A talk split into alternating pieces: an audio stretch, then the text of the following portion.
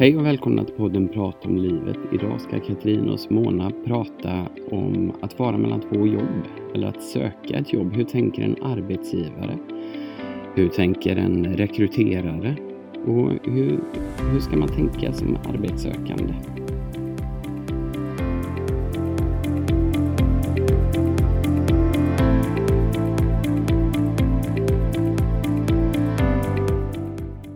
Mellan två jobb tänkte vi prata om idag. Ja, arbetsgivare, söka jobb, arbetstagare, lite sånt. Vad tänka på. Do's and don'ts. Precis. Och du då som är arbetsgivare Katarina och har väldigt många intervjuer. Vad är det som är viktigt för dig när man är på en intervju?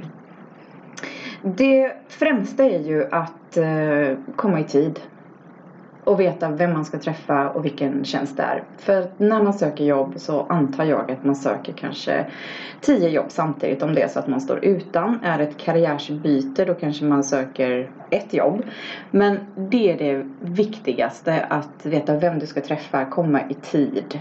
Inte 20 minuter innan, inte 20 minuter efter. Men 10-5 minuter innan för att liksom kunna um, ja, men hamna i det här modet. För alla är någonstans lite nervösa när de kommer till en intervju. Man ska vara väldigt personlig, berätta om sig själv, man vet inte vem man ska träffa. Och sånt tänker man när man rekryterar. Att man har med sig alla de här bitarna om den här personen som kliver in på, eh, i ett intervjurum. Eh, så att det första är ju att man ska få den här personen att känna sig bekväm och avslappnad och inte liksom direkt gå på BAM! Varför söker du det här jobbet? Utan mer hur dagen har varit eller om det lätt att hitta hit och hur det känns och vill ha ett glas vatten. Man får sitta liksom och småkänna lite när den personen är redo. Uh, för det är väldigt viktigt att vara sig själv på en intervju.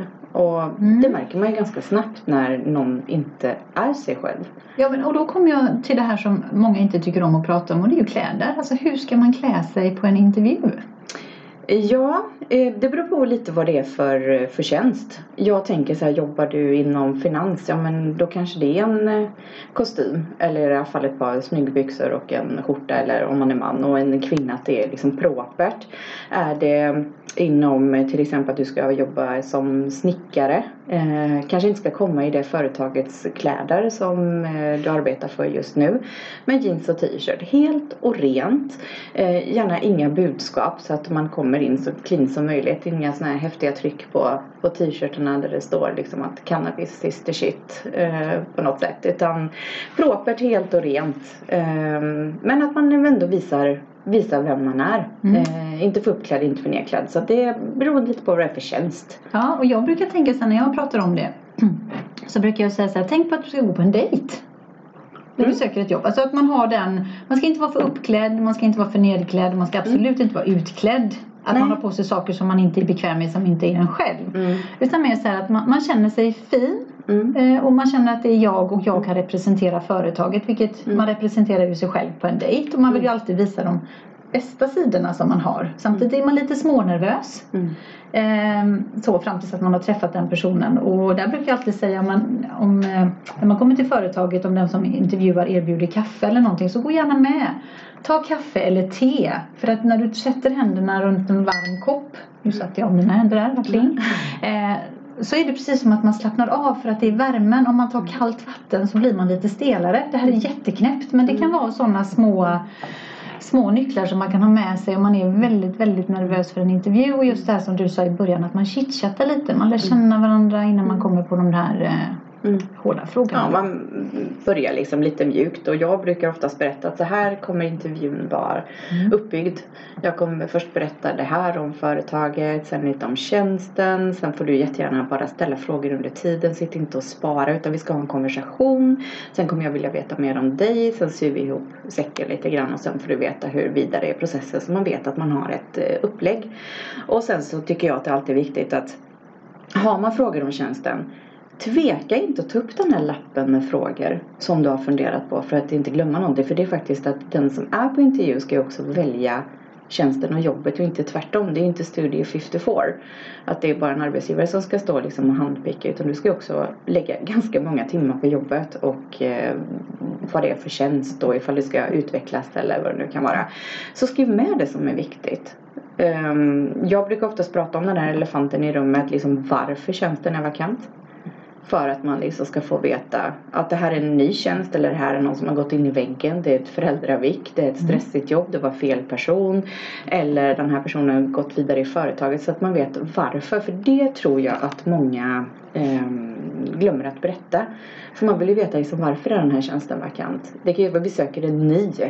Ja men varför söker man en ny? Är det så stressigt på det här företaget att man går in i, i väggen mm. hela tiden. Eller att det är för många bollar i luften eller mm. felrekryteringar. För det är ju ganska vanligt förekommande att eh, att man tyvärr rekryterar fel person.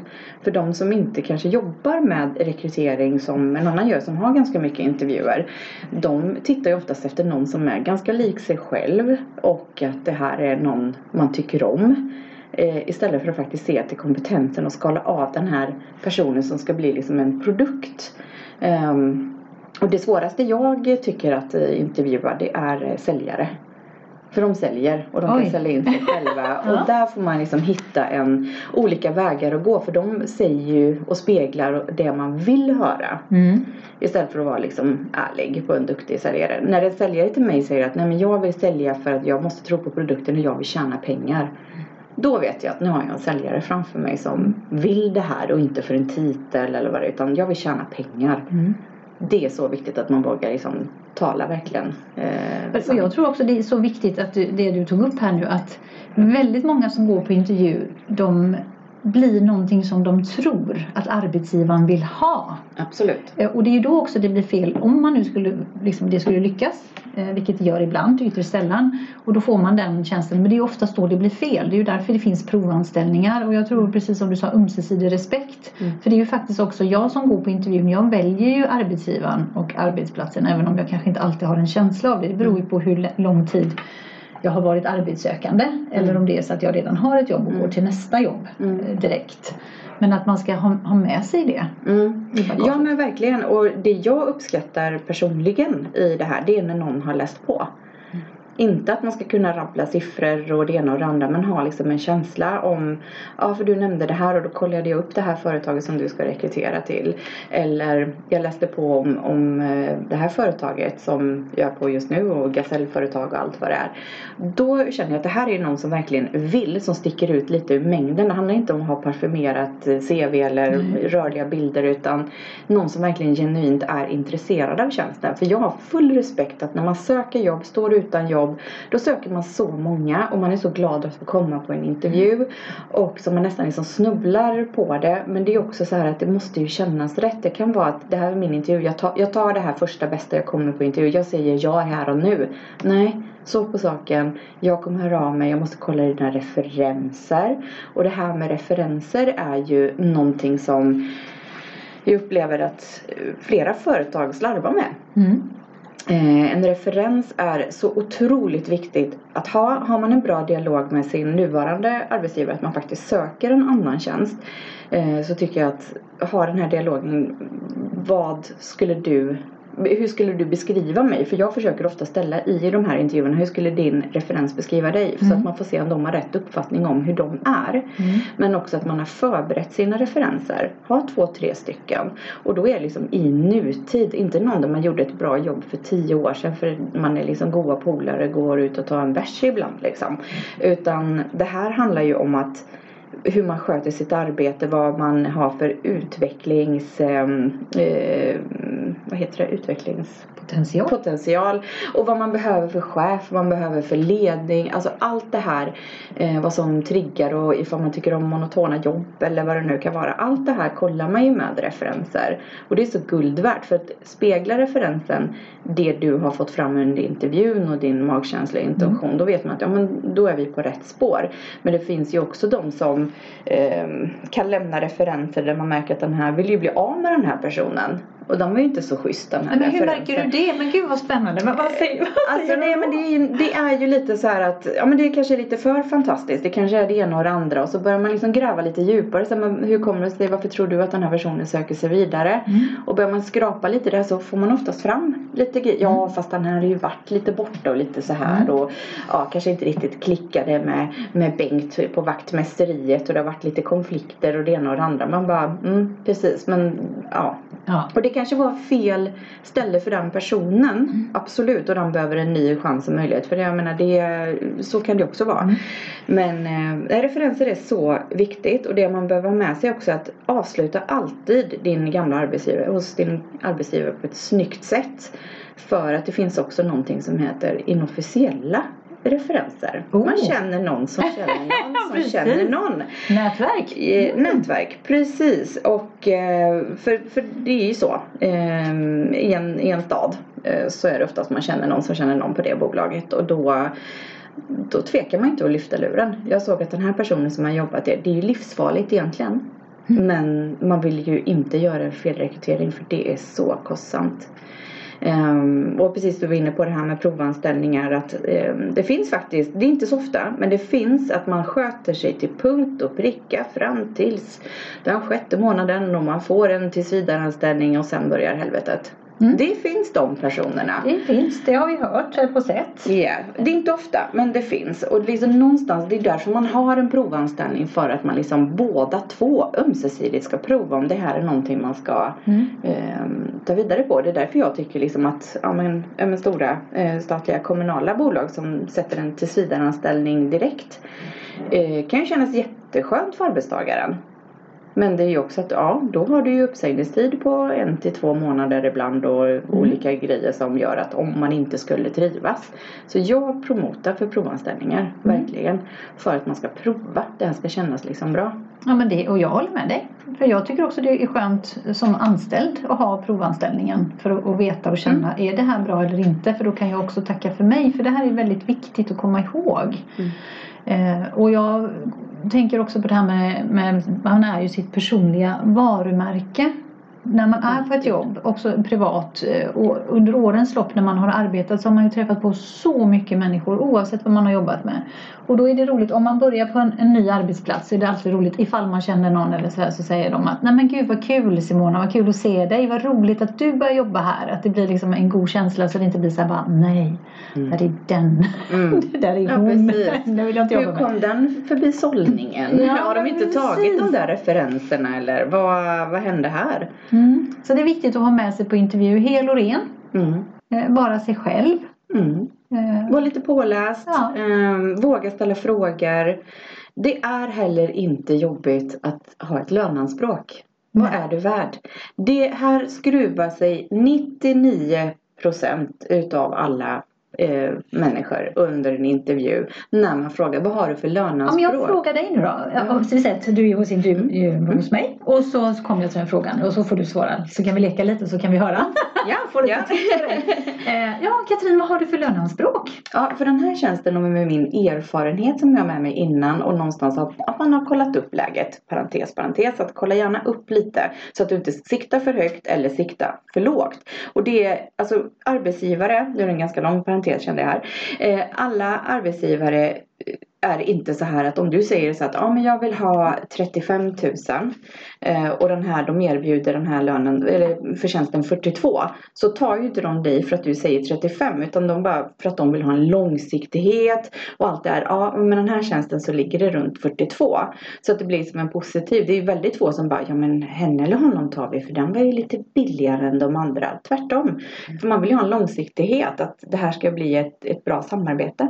Men eh, återigen, jag hade svarat ja, för den här tjänsten och för min kompetens och erfarenhet, eh, erfarenhet som jag har sedan tidigare och det jag kan eh, bidra med så ligger min eh, mellan tummen och pekfingret någonstans mellan 35 och 40 någonstans där. Så att det finns liksom ett spelrum. Mm. Gärna liksom över det här och då undrar jag, tycker jag då man ska svara, vad är löneläget hos er på det här företaget? För det kan ju vara internationellt, det kan vara nationellt, det kan vara kompetensen som gör att du faktiskt kan kräva ännu mer eller önska, Mm. eller vad man ska säga. Eh, så var lite påläst om det och någonstans sälj det inte för dyrt. För du kan trilla där och då som arbetsgivare när någon säger då Ja men jag vill jobba som receptionist. Någonstans ligger receptionister någonstans beroende på lite ålder och erfarenhet mellan kanske 19 och 23 000. Säger de att ja, men jag vill ha 34 000 för receptionist och då får jag ju som professionell rekryterare säga till dem att då ligger du lite i det övre spannet och med tanke på att du inte har det här ansvaret, i någonting det här och det här så är det den här lönenivån som gäller på den här tjänsten, 23. Mm. Och då hör man ju själv att det är liksom en spann. Men här är, det är det vi kan erbjuda här och hur ställer du dig till det? Ja men då tackar jag för kaffet. Då vill inte jag Mm. intresserad av den här tjänsten. Eller eh, då kan det också komma det här att ja men för mig spelar det ingen roll egentligen. För jag vill jättegärna ha det här jobbet.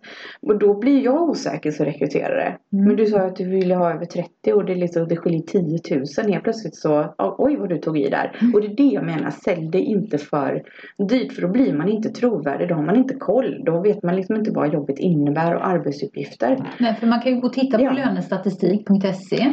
Ja, den är inte alltid riktigt trovärdig. För det beror på vilka som har rapporterat in där Okej. också. Så att den, är, den är lite snedvriden. Jag tycker nästan att man ska eh, kanske ta kontakt med ett, ett fackförbund. Och kolla medianlön. Och Ja. någonstans så kan de ju säga liksom ett snitt. Men är man, har man aldrig jobbat till exempel som en receptionist. Nej. Eller bara haft någon, stått lite då och då och jobbat lite timmar. Då kan man ju inte lägga sig på medel eller över medel. Då måste man förstå att man behöver ligga i den i den första, lägre. i det lägre, lägre Mm. nivån. Eh, och någonstans ha det som ett arbete uppåt. För alla börjar någonstans. Mm. Alla, alltså det är klart man ska ha lön för det jobbet man utför. Men ibland kan det finnas fantasisummor. Eh, de som till exempel studerar inom personal. Eftersom man träffar ganska många som vill jobba som konsultchefer. Ja, min eh, eh, mentor i skolan säger att jag bör ligga på en lön, ingångslön på ungefär 40 000. Ja, fast nu är det så här att du har ju aldrig jobbat med det här. Du har pluggat så jag menar Ja, du kanske har tentat av väldigt bra men du har ju liksom ingen arbetslivserfarenhet och för det första har du någon livserfarenhet för att kunna vara chef, att kunna ta hand om detta. Vad har du gått igenom? Alltså då, det är ju också någonting som är väldigt viktigt när man tänker liksom med lön. Mm. Um, sen är det de företag som bara alla har en ingång på 22 punkt. Alla Ja. har en ingång på 30 Mm. och sen så får man liksom lägga på. Uh, men vill man verkligen styra sin egen lön då ska man jobba med försäljning där man får provision. Då får du verkligen jobba för, för det och kan få ganska bra provisioner och bonusar och sånt Mm. utbetalt. Men då är det också ditt jobb du lägger ner. För det är liksom inte en rättighet att bara kamma ut lön utan du måste ju faktiskt jobba för det också. Ja, det måste man ju. Och då tänkte jag så här, men då är det viktiga här att man kollar upp Ja. vad, vad det är för lönespann. Eh, Man tittar på sig själv och sin kompetens. Ja. Eh, och så utgår man därifrån helt Mm. enkelt. Och det blir som en, mellan tummen och pekfingret, var ligger du någonstans? Sen blir det liksom en förhandling. Ja, för Mm. den här tjänsten så vill jag erbjuda den här summan. Ja, fast jag hade mått bättre om jag kanske, och tycker att det här känns mycket bättre för mig för att det ska bli en långsiktighet. Inte för att jag ska ha råd att betala mitt liv just nu. För det är en del som kan haspla ur sig det. Att jag behöver de här pengarna för att jag har precis köpt ett hus. Jaha. Okej. Eh, det är inte mitt problem som Nej, men då blir jobbet sekundärt. Då är det ju pengarna och då Precis. tänker man sig hur engagerad kommer den här personen vara? För det var faktiskt min nästa fråga. Det är ju liksom Mm. hur svarar man på vissa frågor? Och då tänker jag eh, naturligtvis då på det här med stress. Mm. För det här tycker väldigt många är så svårt. Mm. Att när ni frågar efter en stressad situation eller hur hanterar du stress liksom? Mm. Och stress kan ju vara så olika för olika personer. En del kan bli stressade för att de är perfektionister eller alltid vill göra ett bra jobb. Eller att jobba mot eh, högt uppsatta mål eller mot mål överhuvudtaget. Stressad för att få feedback. Alltså det är ju bättre att säga så här att hur upplever du stress? Har du i någon situation blivit stressad och varför? Så att den får berätta om sin situation. Inte hur snabbt eh, kan du stansa in de här Nej. siffrorna i bokföringssystemet och hur skulle du säga om jag kommer in med ytterligare en hög med papper? Mm. Så, så funkar det inte utan mer ge ett konkret eh, när du eh, kan uppleva stress. Ja, det är när kollegor eller någon Mm. chef står och liksom över axeln på mig eller alltså alla upplever stress så olika så ha konkreta eh, exempel. Ja, och jag brukar ge tips. Jag brukar säga så här, eh, lär känna dig själv först. Inre stress, Mm. hur funkar den om du har alldeles för hög ribba? Hur Mm. har du lärt dig att hantera det eller hur hanterar du det idag? Mm. Sen har vi den yttre stressen. Eh, eh, hur hanterar du den? Och eh, precis som du säger att man ger exempel för då har man ju faktiskt funderat på det. Exakt. Och då behöver det inte skapa stress när, när frågan kommer utan då vet man precis vad man har lärt sig. Och där har jag ju träffat väldigt många personer som har gått in i väggen Mm. och fått lära sig att hantera den här stressen som de har varit med om och fått med sig jättebra verktyg.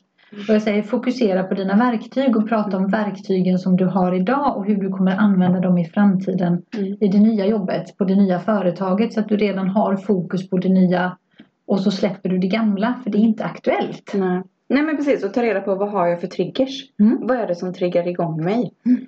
För alla arbetsplatser är ju inte superstressiga hela tiden. Men det, man måste kunna uppleva en viss puls Mm. ibland, absolut. Det är inte så att man ska vara jagad, jagad, jagad.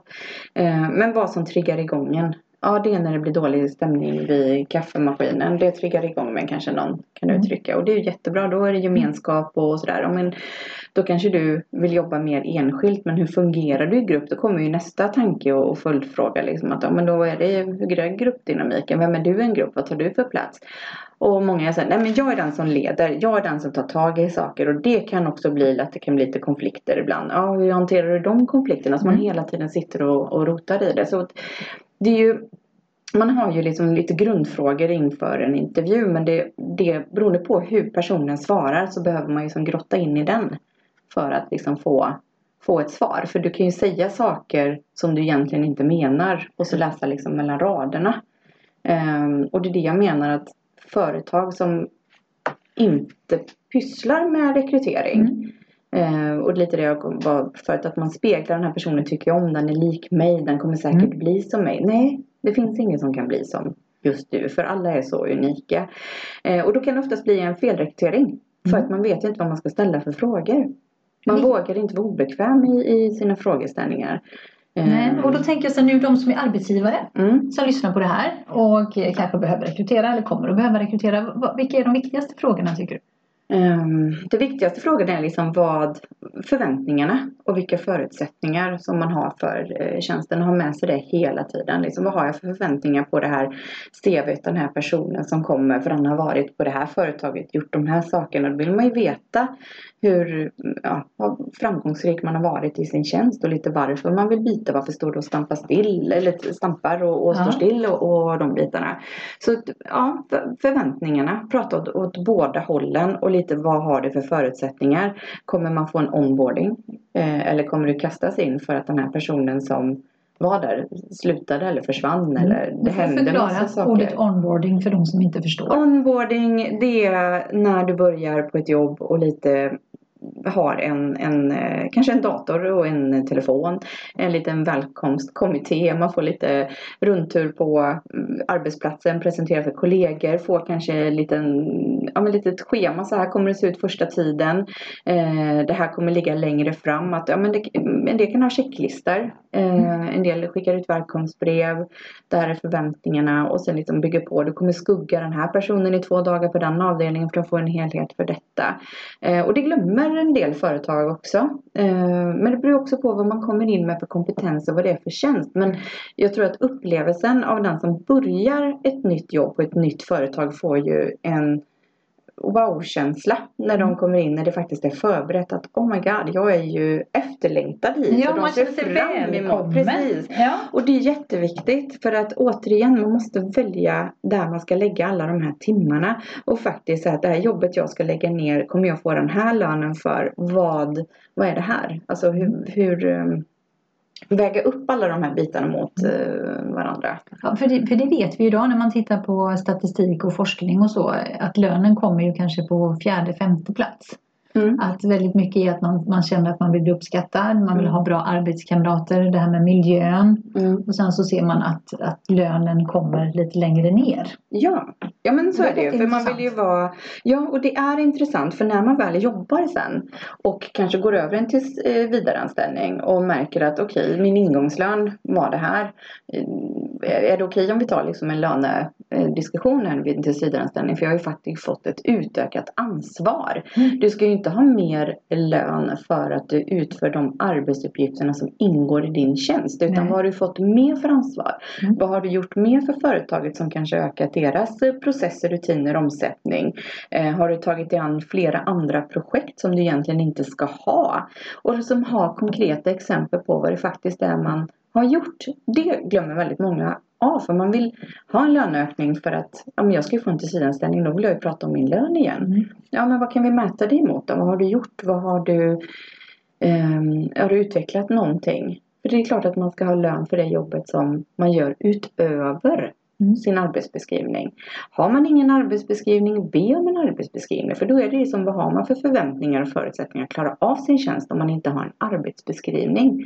Den kan, behöver inte vara allting som ingår utan mer en, en helhet. Och de flesta företag har en arbetsbeskrivning. För du har ju faktiskt fått en intervju från en annons och annonsen är lite arbetsbeskrivningen. Ja, så det precis. finns på alla företag på ett eller annat sätt men kanske inte i ett Word-dokument. Nej, och sen tänkte jag nu då, om man ska gå steget innan intervjun så är det ju, Mm. för mig det, det har blivit så här rocket science med all CV-skrivning och det finns CV-mallar och det finns företag som skriver CV åt dig och personligt brev. För det är intressant. Någon som skriver Ja, åt dig. förstår Hur, hur väl känner man då? Det är så personligt. Ja, Ja. fortsätt. Förlåt. Nej men jag tänkte så här, vad, vad, vad är det viktigaste att ha med i ett CV?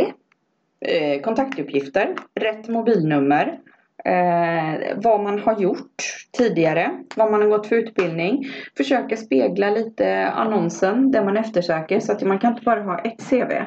Beroende på vad det är för tjänst man söker. Ehm, och ett litet personligt brev ehm, behöver man skriva också lite vad man har för mål, vad man vill åstadkomma och varför man vill ha den här tjänsten. Och lite privat vem man är. Om man lever ensam, har en familj, vad man tycker om på fritiden. Om man kanske är, brinner för ehm, eh, barnens eh, fotboll eller vad det nu Mm. kan vara för att visa liksom, att, vad man är för sorts. Det syrenar lite. Sen behöver man inte veta vad katten heter. Nej. Det är Och inga noveller utan inga noveller. ett utan- halvt ja, A4-blad. Precis, en elevator pitch. Ja. Lite så. Vem, vem vill jag framstå som och vad är det man får i mig? Mm. Jag är lojal. Ja, om jag frågar dig vad, vad betyder lojalitet för dig då? Att du ska kunna säga det så skriv inte massa floskler på det utan Nej. verkligen tänk vem är du? Be någon som känner dig väl beskriva dig och så tar du ut de här godbitarna och, och lägger in det. Och träna lite på att sälja in dig själv. Innan eh, med där. Står jag på det som står i CVt? Det är därför jag tycker det är Ja, man kanske behöver hjälp med CV med en mall och lite hur jag ska börja, hur jag ska tänka. Men att någon annan ska skriva det åt dig och så sitter en rekryterare med CV och så börjar han prata. Man bara, fast är, är det samma person som sitter här framför mig? Mm. För många år sedan så var det ju faktiskt, jag träffade på en, en ganska ung kille som var så glad för han skulle på intervju. Eh, och eh, han hade inte läst sitt, sitt personliga brev och inte sitt CV för han hade ju fått någon annan som hade gjort detta. Ja. Eh, och då pratade vi just om det. Så sa det, men nu kommer de ju ställa frågor utifrån det du har skrivit och de förväntar sig att du Ha koll på vad du har gjort Ja, tidigare. precis. För det har jag nämligen upplevt flera gånger. Det är så att man får ett CV i handen och ett personligt brev. Och så skapar man sig en bild, för det Mm. gör man ju. Mm. Och in kommer världens eh, blygaste person, höll jag på att säga. Men, men då har det stått att man är social, man umgås mycket med vänner. Mm. Vet, så här, jättemycket som man känner så här, åh, här kommer en sån riktig säljare, glad och Mm, god eh, mm. tjej och kille, eller kille då. Och så kommer det in någon som säger, hej. Och så tittar ner och inte vågar titta ens en gång och så viskar så här när man pratar. Mm. Och det blir jättekonstigt. Det blir så här kortslutning och så blir jag så här, nej men det här är ju inte den här människan Nej. som... Vad gör du och dina vänner på fritiden då? Berätta lite. Bara för att få liksom koll. Nej, då umgås man knappt. Nej, så att, och, och jag menar hur det är utformat det är en smaksak. Eh, ska man ha bild eller inte bild? Har du en bild så klipper vi bort vinglaset eh, som är där. Och eh, kanske inte de här plutmuns-selfiesen utan professionellt. Vad du har på Facebook och Instagram, Instagram det är helt upp till dig. Men på ett CV så om du ska ha en bild, ha en professionell bild. Ja, och professionell är liksom hur ser det ut när du arbetar, vill jag förtydliga. För Mm. att eh, där har jag också råkat ut för att det har kommit eh, i detta fallet, nu tänker jag specifikt på en tjej, eh, bilden långt utsläppt hår, eh, leende. Det kommer in en eh, väldigt strikt tjej då för att det var intervju med bulle på, på, på huvudet. Mm. Jag känner inte igen personen på fotot och Nej, ibland kan det ju vara lite viktskillnad också på Mm. bilderna att de är tagna. Och det spelar liksom ingen roll. Ska man ha en bild, ta en aktuell bild. ja. Ehm, eller... ehm, Då är vi åter inne på det här så som man gör på Tinder. Ha en aktuell bild eller när ni är, nu är vi inne på det här med dejtandet igen. Precis. För det är så roligt med de här parallellerna och det är lite så här när du pratar om elevator pitch, alltså en hisspitch. Man ska liksom pitcha sig själv och tala om att det här är jag, det här kan jag göra Mm. för företaget och lite privat och sådär. Och det är ju faktiskt så vi gör när vi går på en blind date också. Ja. För vi ska liksom Mm. göra ett gott intryck, Mm. inte för mycket och inte för lite och så är man super, super Och tala sanning, eh, gärna. Det, det är det bästa. Eh, var, var förberedd och, och ha lite koll på vad, vad, det är, eh, vad det är för jobb faktiskt och vad Ja. det innebär och ha lite frågor. Ta upp de här frågetecknen. Det tycker jag är bra. Och tänk på också mejladressen. Mm. sexyboy.gmail.com Alltså när man pratar med en person och man ska boka in för en intervju och så tittar man på det här och så kommer jag skicka ett mail till dig. Jag ska bara stämma av så att den eh, stämmer. Mm.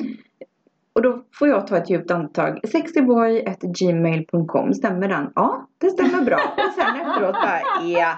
Bra, men då kommer det ett mejl till den mejladressen alldeles strax. Och så får du jättegärna bekräfta så att du vet vilken tid och klockslag och, och allt det där. Så jag har ju jag har ju gett rätt förutsättningar för att komma i tid och gett en adress och mitt nummer om man Mm. är sen.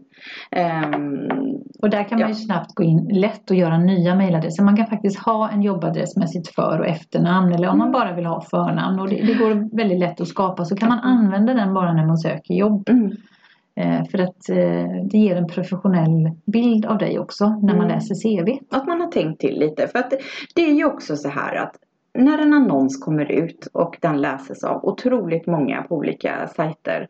Eh, vi säger Arbetsförmedlingen, eh, Jobbsafari, Indeed, eh, LinkedIn. Eh, det är ju, just nu 2021 eh, så är det ju väldigt många som söker jobb också. Mm. Och man behöver veta att man har konkurrens. Om det inte är en väldigt smal nischad bransch där du kanske blir headhuntad. Det är en helt annan grej. För blir du headhuntad så är du ju inte ens säker på att du är i söka jobb-träsket men blir Nej. smickrad. Mm. Och det kan också eh, falla en hel del på det. Utan sök aktivt det jobbet du vill ha. Man ska också veta att man inte är ensam. Eh, utan man har faktiskt eh, konkurrenter. Ehm, man kan få eller vi kan få eh, mail. Nu har jag sökt jobb hos er fyra gånger och jag kommer inte vidare. Vad gör jag för fel? Mm.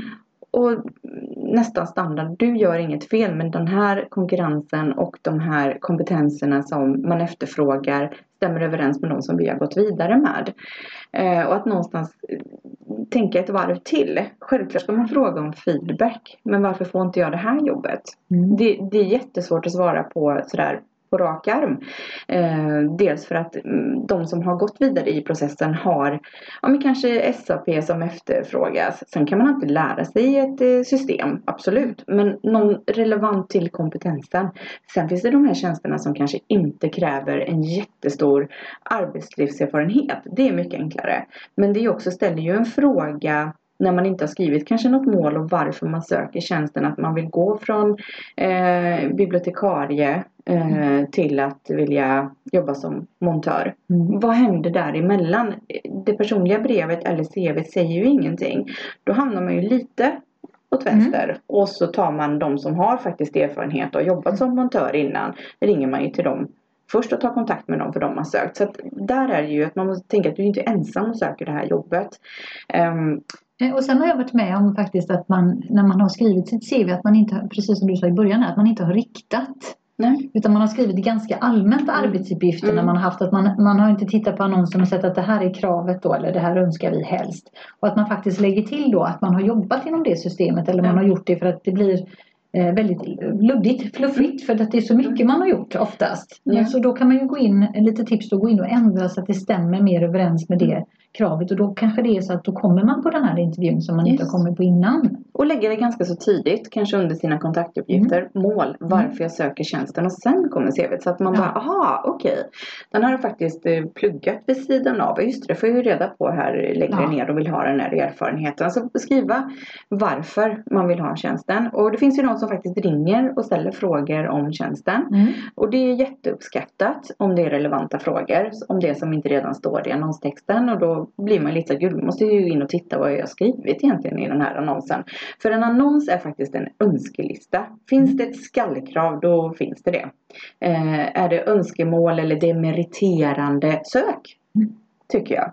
Men ha också liksom varför man gör detta, hur man själv ser en connection mellan det här jobbet och det man faktiskt har gjort eh, tidigare. Och det ska man ju veta också, precis som du sa, att det är så otroligt många som söker mm. samma tjänst. Och det är inte sällan som vi går från 50 upp till flera hundra beroende på mm.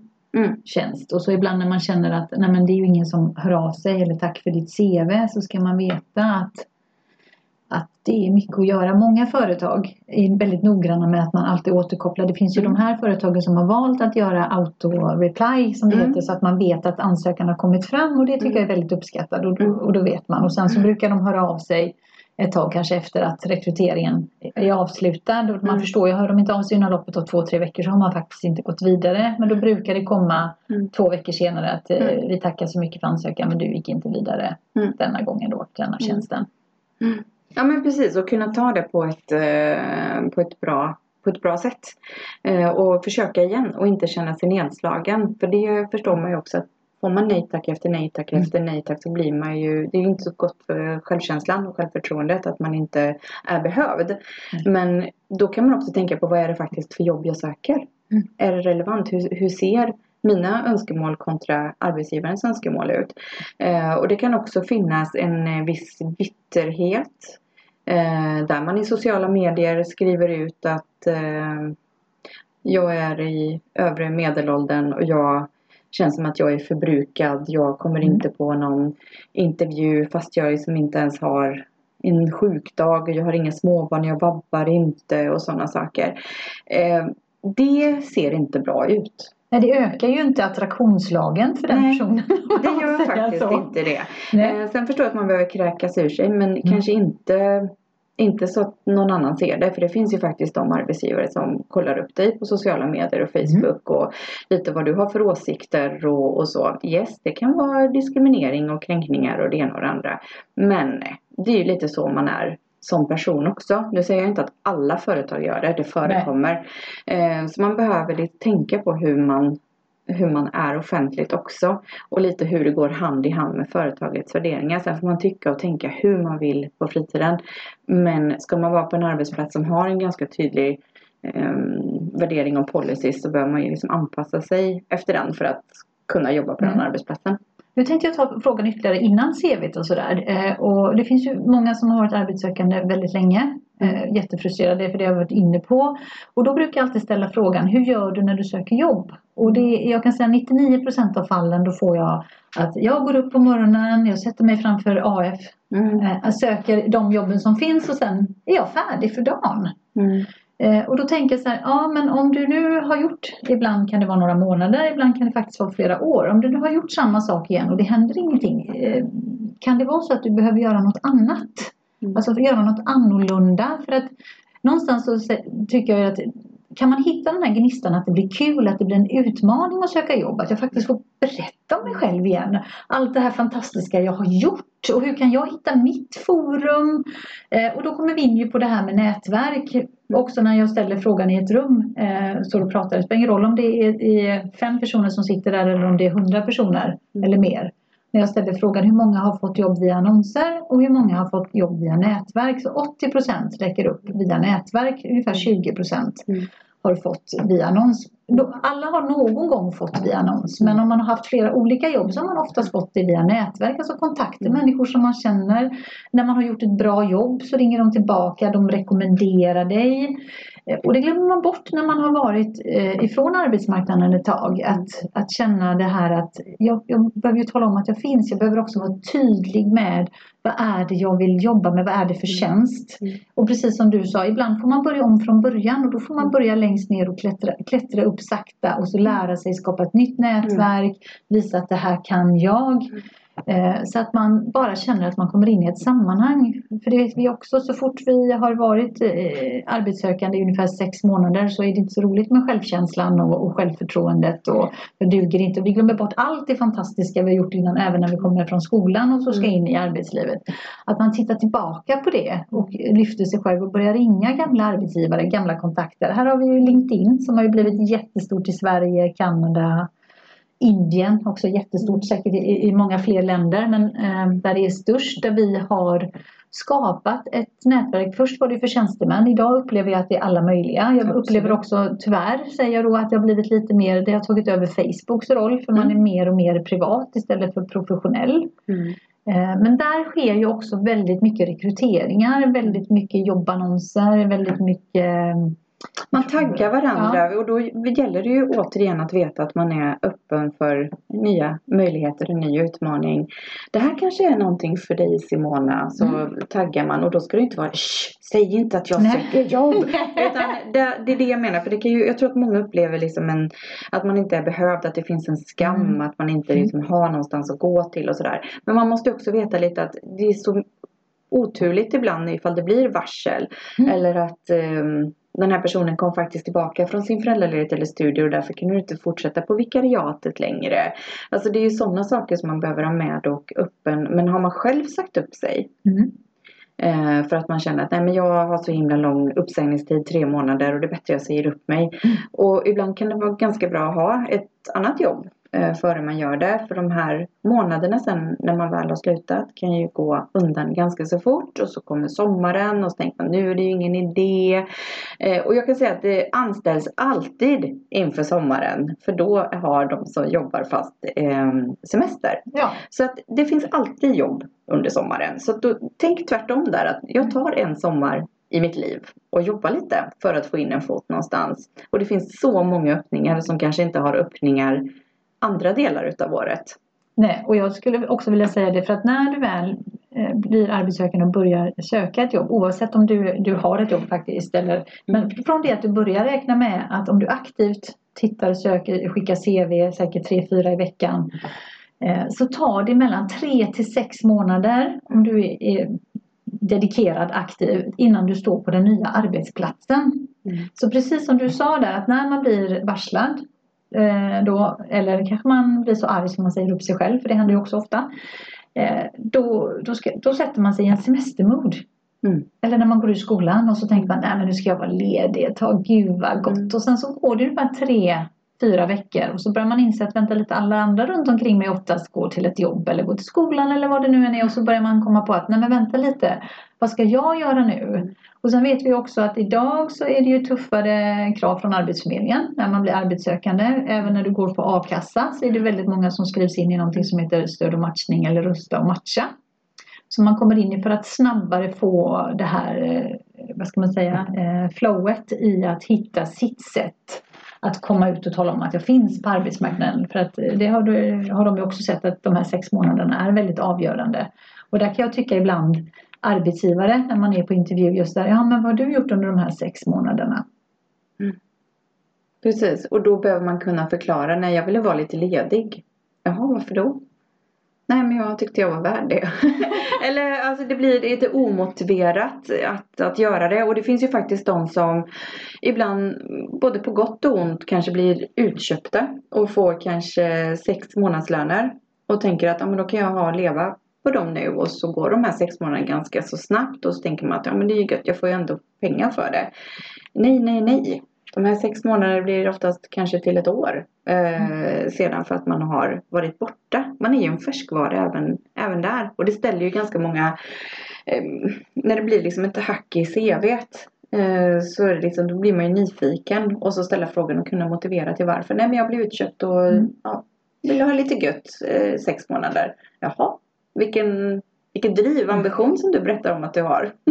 det, det, det klickar inte, det gör inte det. Nej, och nu när vi pratar så tänker jag så här, för mig är det sunt att man faktiskt blir uppsagd eller att man byter jobb emellanåt. Mm. För att man fastnar, man blir så bekväm i sin yrkesroll, eh, man slutar utmana sig själv.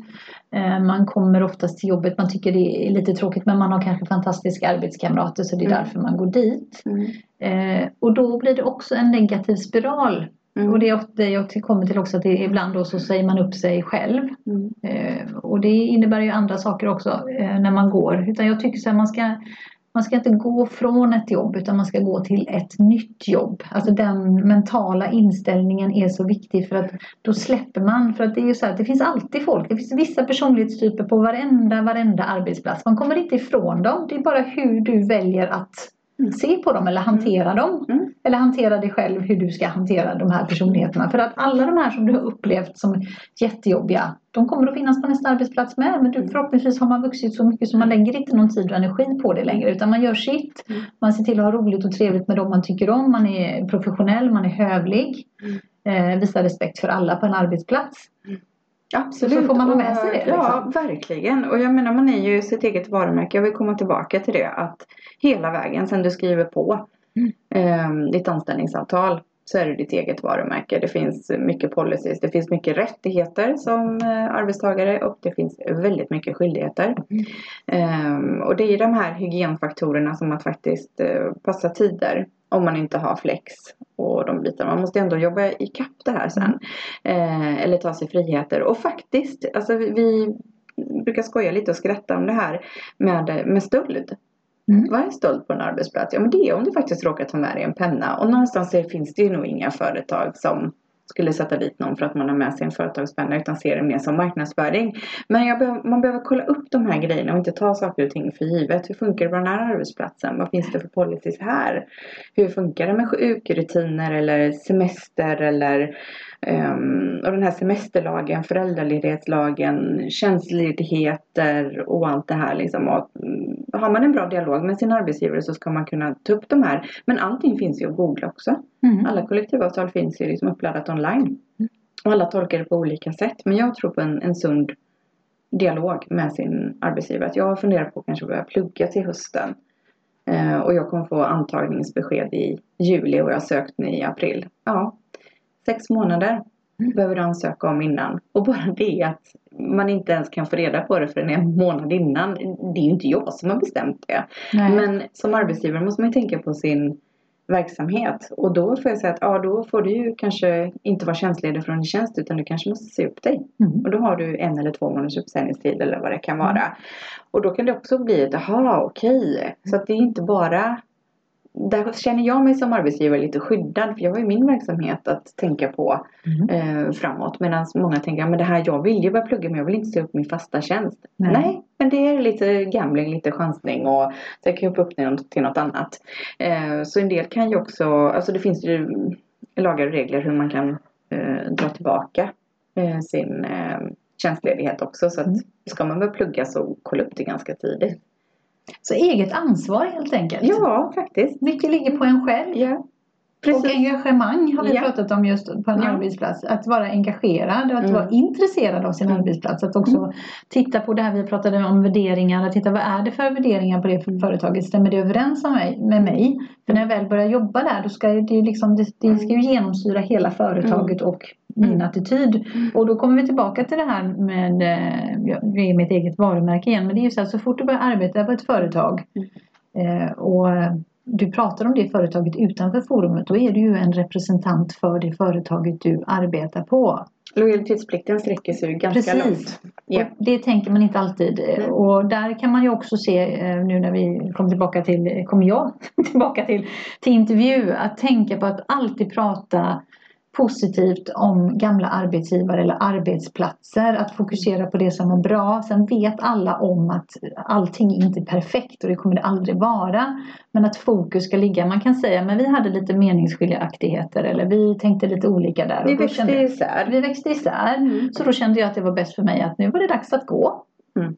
Utan att man liksom går in på detaljer eller Mm. går på personangrepp eller sådär. Så Eller sitter du bitter med armarna i kors och så kanske rekryteraren tänker att ja, här har vi någon som är lite hård och kantig och försöker liksom mjuka upp den här sidan. För att ja, man blir besviken ibland på arbetet. Ja. Och det blir faktiskt arbetsgivaren också på de anställda. Så att det, ja, det gäller att, att kolla upp skyldigheter och rättigheter och inte ta någonting för givet. Och att det här med vad jag är värd för lön. Eh, nu har jag varit här så länge så nu är det min tur att få den här chefspositionen. Tur och tur. Alltså handlar det inte om bäste, bäste man, kvinna för jobbet?